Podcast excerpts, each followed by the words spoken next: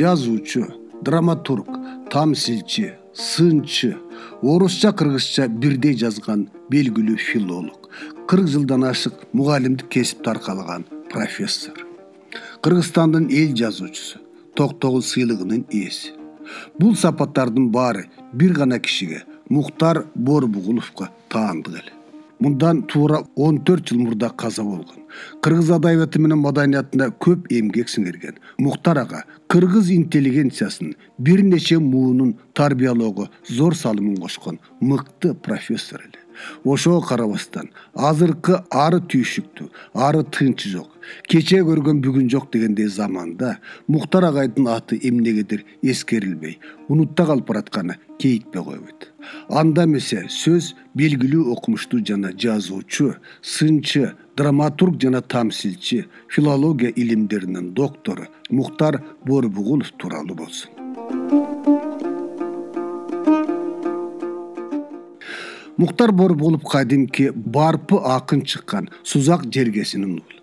Бала кезинен адабиятка шыктуу мухтар мектепти да кыргыз мамлекеттик университетин да абдан ийгиликтүү аяктап илимдин кандидаты деген наамды бир миң тогуз жүз элүү жетинчи жылы горький атындагы адабият институтунда москвада жактаган ал кезде москвадан болгондо да кадимки союздук адабият институтунан орус тилинде жазып орус тилинде илимий диссертация жактоо эмне деген аброй жана эмгек экени айтпаса да түшүнүктүү илимдин артына сая түшкөн окумуштуу кийин казакстандын илимдер академиясынын докторанты болуп бир миң тогуз жүз алтымыш алтынчы жылы адабият таануу боюнча биринчи илимдин доктору болуп чыга келген айтор мухтар боорбугуловдун илимий карьерасы абдан ийгиликтүү болуп биринен сала экинчи илимий эмгектери фрунзе менен москвадан чыгып кыргыз адабиятынын эң эле белдүү изилдөөчүлөрүнүн бири болуп таанылган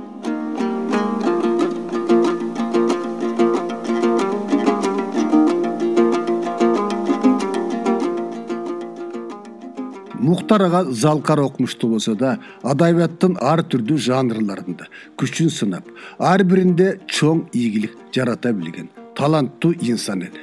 Анын жазуучу катары көрүнүктүү ийгилиги элеттик жигит деген романы болду.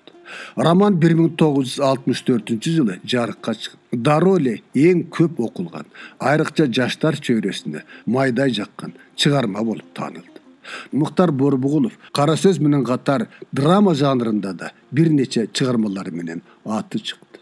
Атап айтканда анын ким көрүптүр мындайды аттуу комедиясы барпы деген драмасы азган кыз жусуп баласагын деген пьесалары убагында театр сахналарынан түшпөгөн чыгармалар эле мухтар аганы эскерип отуруп анын кыргыз мамлекеттик университетине сиңирген опол тоодой салымын да айта кетпесек болбос. Бул окуу жайда боорбугулов агай кырк жылга жакын эмгек кылды.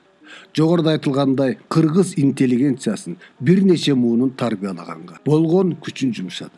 Бул тууралуу мухтар агай менен чогуу иштешип студент катары таалимин да алган профессор эжебиз лайли үкүбаеванын пикирине кулак салсак агай чоң илимпоз эле кыргыз драматургия жанры боюнча алгачкы изилдөөчүлөрдүн бири турмуштун тереңин көздөй деген э, илимий э, эмгегин ушу кыргыз драматургиясынын э, башталышынан элүүнчү алтымышынчы жылдарга чейинки мезгилде терең изилдеп ошол биринчи жолу илимий теориялык негизде кыргыз драматургиясынын эволюциясын иштеп чыккан киши андан кийин адабияттын башка тармактарында дагы көп э, маселелер боюнча фольклор боюнча э, жазма адабияттын өкүлдөрүнүн чыгармачылыгы боюнча да жазып жүрдү мындайча айтканда көп кырдуу талант эле бирок ошонусунун көп жагынан ачылбай кеткендей сезилет да мага. Анткени же убакыт болбодубу же агайдын мерчеми жетпедиби э, агай тамсылчы катарында дагы тамсыл жанрында да бир топ ийгиликтүү э, иштеди чычкандын тою деген сыяктуу бир китептерди да чыгарган эсимде. Анан э, прозаик катарында дагы элеттик жигит деген бир жакшы роман жазды. Ошол элеттик жигитине өз учурунда чыңгыз төрөкулович айтматов да башчы жазган экен. Жогорку окуу жайлардын студенттери үчүн. Адабият теориясы деген жападан жалгыз окуу куралын мурас кылып калтырып кетти. Бул бүгүнкү күндө дагы студенттердин столунун үстүндө дайыма турган китеби катарында колдонулуп келет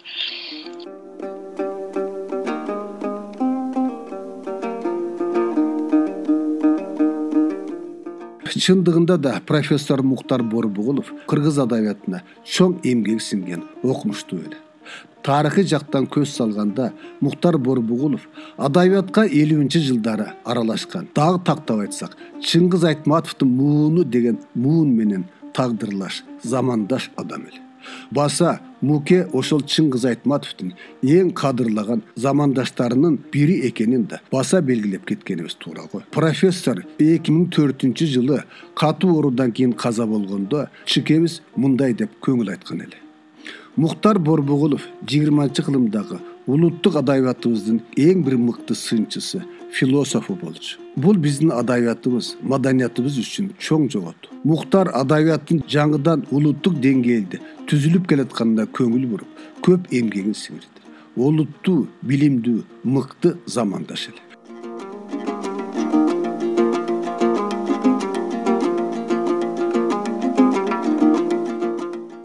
рас муктар ага көп кырдуу адам болчу. Бирок анын негизги эмгектери жана таланты адабият таануу жана адабий сын болчу. Кыргыз адабиятынын тарыхы учурдагы актуалдуу маселелери союздук адабият менен карым катнашы анын илимий иштеринин негизги темалары эле. Албетте анын эң мыкты китеби адабият теориясы деп аталган кыргыз тилинде жазылган китеби десек туура болот. Биз окуучулар дагы агайдын эмгектерин дагы өз мындай даражасына жеткирип изилдеп иликтей албай жатабыз. Келечекте жаштар бул ишти колго алат деген ойдомун.